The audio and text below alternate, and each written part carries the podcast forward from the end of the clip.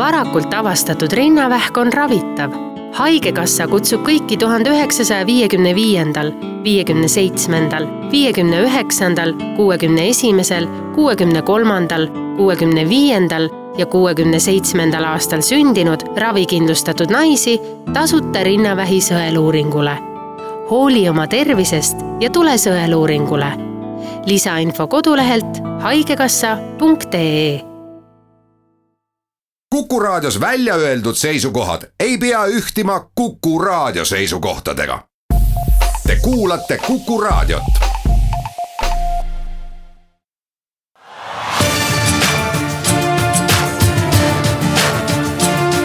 linnaveerand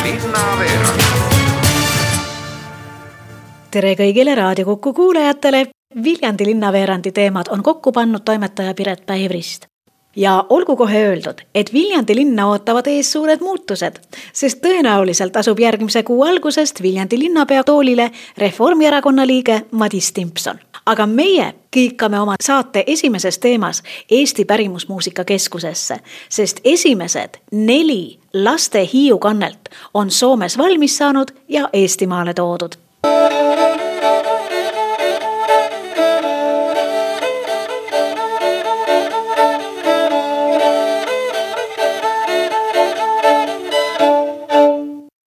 aitäh, Janne Suits, Eesti Pärimusmuusika Keskuse teabekogu juhataja.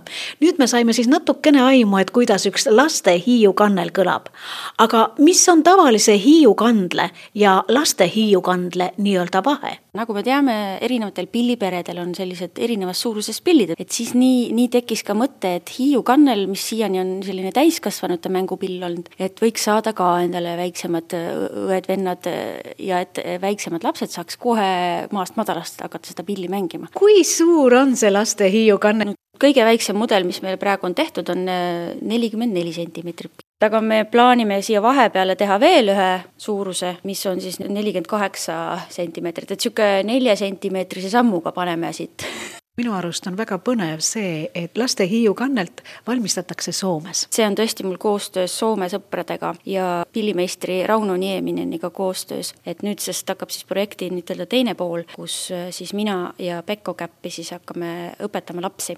et mina siis Viljandis otsin endale neljale pillile väiksed mängijad ja pool aastat niimoodi projekti raames õpetan mina siin Viljandi lapsi ja Pekko õpetab siis äh, Soomes Soome lapsi ja siis pärast teeme kokkuvõtte, et, et kas me, oli mõtet seda projekti teha või mitte. aga kui keegi nüüd kuulab, mõni laps või, või nooruk mõtleb, et jumal küll, mina tahaks ka seda laste Hiiu kannelt õppida või proovida. no siis peaks tulema see pärimusmuusika aita. laste Hiiu kandle projekti raames on kavas ka valmistama hakata nii-öelda teist suurust laste Hiiu kannelt, jätkab Janne Suits Neid lastemudeleid me mõtleme, et me teeme kaks erinevat kehasuurust, aga seal on olemas ka veel siis erinev keelepikkus. et me saame põhimõtteliselt selle projekti raames kahe erineva keha suurusega, nelja erineva keela, keelepikkusega pillid. nüüd neid suuremaid pille praegu veel valmis ei ole, et need tulevad hiljem, aga need väiksed, kõige väiksemad on mul praegu neli tükki käes, jah järgmist saatelõiku alustame tõdemusega, et viljandlased armastavad tervislikke eluviise ja tervisesporti järelduse teeme sellepärast, et kui kaasava eelarve üheksateistkümnest ettepanekust pooled on seotud harrastusspordiobjektide korrastamise või rajamisega, siis muid järeldusi teha pole lihtsalt võimalik.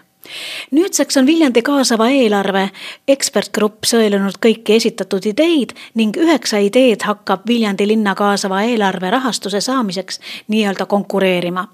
Ja siit jätkab Viljandi linnavalitsuse majandusameti arenguspetsialist Jakko Arula üheksa on äh, sellised, millega saaksime edasi minna. kuigi kaasava eelarve protsess toimub Viljandis juba kolmandat aastat, tekkis ideede esitamisel ka probleeme, rääkis Jakko Arula mis olid suuremad probleemid, olidki need, et kui meil on äh, kaasava eelarve määruses kirjas, et see peab olema linnaeelarve mõistes investeerimistegevus ja see peab olema peale valmimist Viljandi linna omandis, äh, kiiretest näidetest võib-olla kirikute poolt esitatud ettepanekud, et Jaani kirik ja ja Pauluse kirik, kahjuks need objektid tõepoolest ei ole määruse mõistes Viljandi linna omandis isegi kui me need korrastaksime. Viljandi kaasava eelarve, rahaline eelarve on siis kolmkümmend tuhat eurot ja seda piiri ületada ei tohi praegu ei saa me avaldada neid üheksat ideed, mis võistlema lähevad, kuid kuidas siis nüüd Viljandi linnas kaasava eelarve protsessiga edasi minnakse, jätkab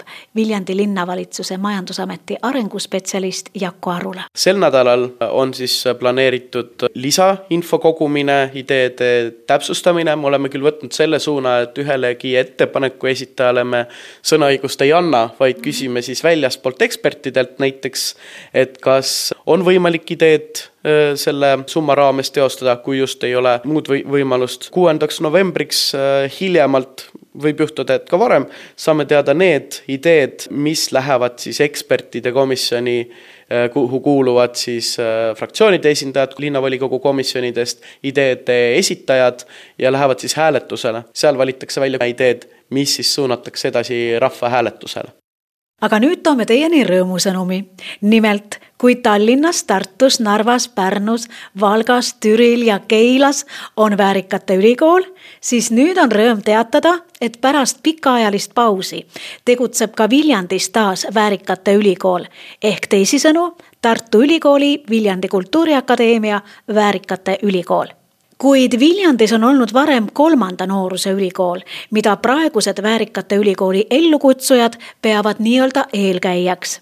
ja siit jätkab Tiiu Männiste, kes oli omal ajal kolmanda nooruse ülikooli üks loojatest. jah, mina alustasin ja mitte isegi, ma peaks ütlema, mitte väga oma initsiatiivil. Aino Jagor, kolmanda nooruse ülikooli tegija ja kunagine inseneride klubi vedaja, tema nagu tuli linnast juurde ja ütles, et kas me ei käivitaks. Ja me alustasime üsna võimsalt, meil olid ikkagi saalid täis, rahvas tahtis tulla. praegune Viljandi Kultuuriakadeemia Väärikate Ülikooli projektijuht Piret Ahus aga ütleb, et Väärikate Ülikooli käivitamine oli omaette kiire protsess üldjuhul on nii, et kes mõtte välja käib, et siis tehtagu. meie esimene avaloeng oligi kolmandal oktoobril ja teemaks oli meil aktiivne eakas ja kogukond ja siia tuli kolmkümmend osalejat kokku, nii et sellise paaripäevase etteteatamisega info levis väga kiiresti sihtgrupi seas, et iseenesest sihtgrupp oli valmis. missuguseid loenguid te üldse Väärikate Ülikoolis pakute? Selleks õppeaastaks meil on nüüd kaks järgmist kohtumist kokku lepitud, see kolmkümmend üks oktoober on meil tulemas perearst Ülle Kurjev. Ja teine teema meil on ohutushoid. See on siis meil viiendal detsembril ja siis tuleb meile kõnelema naiskodukaitsest äh, Kai Kannistu, et kuidas siis äh, oma kodu äh, ohutumaks muuta. kas nende teemade valikul sa oled ise ka süüvinud eakate ellu või, või, või sellesse, mis neid nagu huvitaks või, või, või mis neid võiks huvitada? ehk teisisõnu, et, et kuidas sa valid need teemad? ikka koostöös nende osalejatega, me esimesel kohtumisel andsime kätte neile sellised ankeedid, kus oli viisteist valdkonda ja palusime, et osalejad järjestaksid viis olulisemat nende jaoks ja tegime siis kokkuvõtte millised teemad neid huvitavad ja mis järjekorras me võiksime neid peale võtta. vaieldamatult esikohale tuli tervis, siis neid huvitab teater, siis neid huvitab Eesti kultuurilugu, käsitöö kindlasti ja siin ei olnud ainult naised, päris mitu atsakat vanahärrat oli meil ka osalemas ja kevadel, kui me nii-öelda esimese õppeaasta lõpetame, siis ka need, kes on seitsekümmend viis protsenti osalenud, nemad saavad ka ülikooli poolt tõendi, et selle osalemise kohta siin. kuhu kavatseb Viljandi Väärikate Ülikool nii-öelda veel välja jõuda, selles mõttes, et noh, missugused te näiteks kahe aasta pärast olete? ma arvan, et äh, meil on ka vähemasti kolmsada osalejat siin äh, ja ma usun, et meil kindlasti regulaarselt toimuvad kaks korda kuus sellised loengud. Äh, ma soovin, et me käivitaksime ka õppereisid erinevatesse paikadesse Eestis, ma arvan, kahe aasta pärast me oleme juba sellel tasemel küll aga nüüd põikame hetkeks talve ja jõuludesse, kuna Viljandis valmistutakse juba jõuluhansaks, mis toimub sellelgi korral Raekoja pargis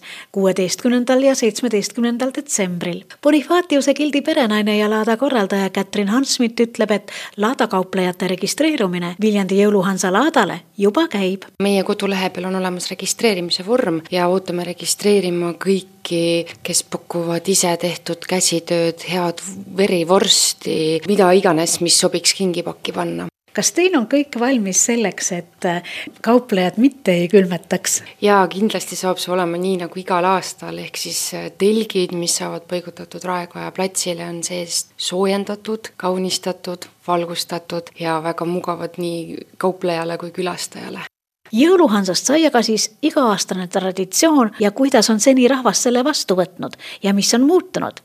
laada korraldaja Kätrin Hanschmidt muutunud on see selle aja jooksul niiviisi, et kui alguses toimus laat ainult Raekoja platsi peal telkides, see seal ümber olev programm nii-öelda rikastas, siis eelmisel aastal esimest korda toimus jõuluhansa ka Linnu tänaval maja sees, kus oli siis jõuluvana maja, seal olid erinevad kauplejad sellises toredasti kaunistatud vanas koolimajas ja see oli selline väga äge elamus jõuluhansa külastajad nagunii ootavad neid kauplejaid ja otse loomulikult on jõuluhansa seal Laada platsil igasuguseid tegevusi ja toimetamisi ja, ja, ja muid asju jaa, kindlasti on iga-aastane traditsiooniline programm seal kõrval, mis on väga mõnus ja nauditav olnud. selle toreda mõttega me tänase Viljandi linnaveerandi lõpetamegi. Saate pani kokku Piret Päivrist. Kuulmiseni